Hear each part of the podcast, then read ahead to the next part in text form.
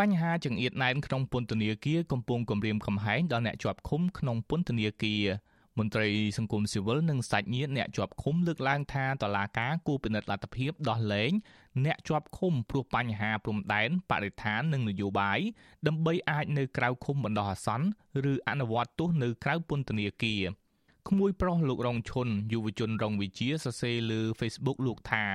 លោករងឈុនដែលខ្វាយខ្វល់ពីប្រយោជន៍ពលរដ្ឋបានជាប់ឃុំយ៉ាងអយុត្តិធម៌ចំនួន392ថ្ងៃហើយលោកថាលោកបារម្ភពីសុខភាពនិងសុខទុក្ខពូរបស់លោកនៅពេលដឹងថាក្នុងពន្ធនាគារមានផ្ទុះជំងឺ Covid-19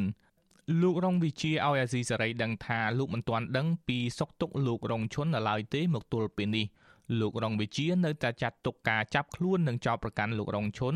ថាជារឿងអយុត្តិធម៌និងស្នើឲ្យតុលាការដោះលែងពូរបស់លោកឲ្យមានសេរីភាពឡើងវិញជាថ្មីម្ដងទៀតសូមស្នើទៅតុលាការធ្វើយ៉ាងណា ដោះលែងគាត់ឲ្យនៅក្រៅឃុំជៀសវាងការរីករាលដាលឆ្លងកូវីដទៅដល់សុខភាពរបស់លោកគ្រូរងឈុនក៏ដូចជាសកម្មជន មួយចំនួនដែលរងនៅភាពអយុត្តិធម៌ឃុំឃាំងអស់រយៈពេលជាយូរមកហើយបាទ ស្រដៀងគ្នានេះដែរប្រពន្ធរបស់លោកធុនរដ្ឋាគឺលោកស្រីប៉ាត់រស្មីដែលប្តីលោកស្រីជាប់ឃុំក្នុងពន្ធនាគារព្រៃសរព្រោះរឿងការពីបរិស្ថានប្រាប់អាស៊ីសេរីថាលោកស្រីមិនទាន់អាចតាក់ទងឬជួបប្តីបានទេចាប់តាំងពីទុះជំងឺ Covid-19 កាលពីខែកុម្ភៈលោកស្រីថាលោកស្រីព្រួយបារម្ភពីសុវត្ថិភាពប្តីខ្លាចមានប៉ះពាល់ឬពាក់ព័ន្ធនឹងជំងឺកាចសាហាវមួយនេះ លោកស្រីប៉ាត់រស្មីដែលកំពុងចិញ្ចឹមកូនតូចផងនោះស្នើទៅតុលាការគួរអនុញ្ញាតឲ្យប្តីលោកស្រីអាចនៅក្រៅឃុំដើម្បីបង្ការការឆ្លងជំងឺ Covid-19 និងជួយរកប្រាក់ចិញ្ចឹមកូននេះទៅខ្ញុំតាំងពីទិសកូវីដ20អី20កុម្ភៈមកគឺអត់បានដឹងពីសក្តិគ្នាទេ អត់ដឹងពីទុកលំបាកគ្នាទៅវិញទៅមកឯងបងហើយខ្ញុំមានការបារម្ភមែនតើអញ្ចឹងខ្ញុំសំណពរឲ្យដោះលែងពួកគាត់មកវិញមកក្នុងវិបត្តិកូវីដនេះដើម្បី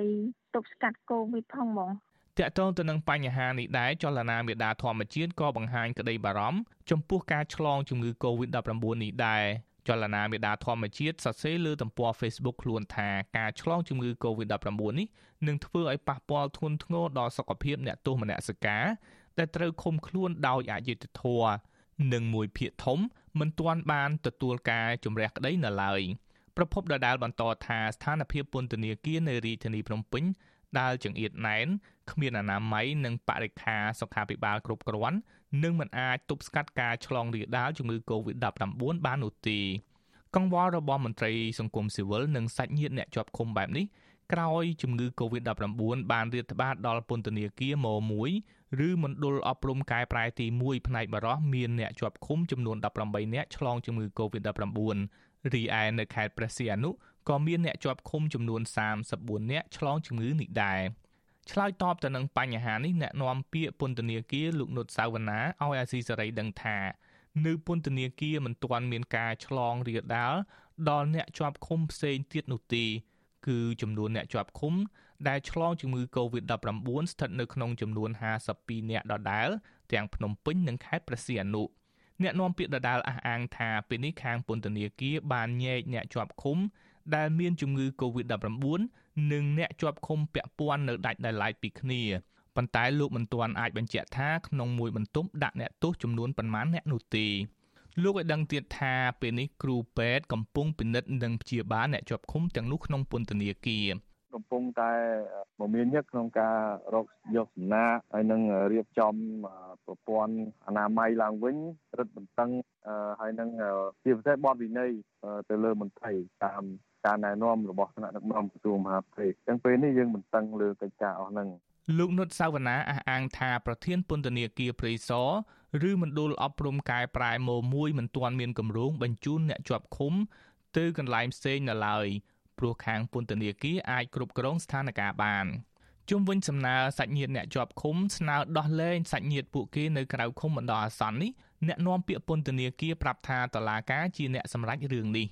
អាស៊ីសេរីមិនទាន់អាចសុំការបំភ្លឺពីប្រធានតឡាការសាលាដំបងរាជធានីភ្នំពេញលោកតាំងសុនឡាយបានទេនៅថ្ងៃទី22ខែឧសភានេះប្រធានអង្គការសម្ព័ន្ធការពារសិទ្ធិមនុស្សកម្ពុជា លោករស់សុថាយល់ថា ការឆ្លងជំងឺ Covid-19 ក្នុងពន្ធនាគារចោទជាបញ្ហាធ្ងន់ធ្ងរមួយព្រោះបញ្ហាចង្អៀតណែនក្នុងពន្ធនាគារនៅតែជាបញ្ហាមន្ត្រីសង្គមស៊ីវិលរូបនេះបន្តថារដ្ឋាភិបាលគួរមានកញ្ចប់ថវិកាគ្រប់គ្រាន់ដើម្បីដោះស្រាយបញ្ហានេះលោកយល់ថាតឡាការគួរអនុញ្ញាតឲ្យមានការអនុវត្តទោសនៅក្រៅពន្ធនាគារ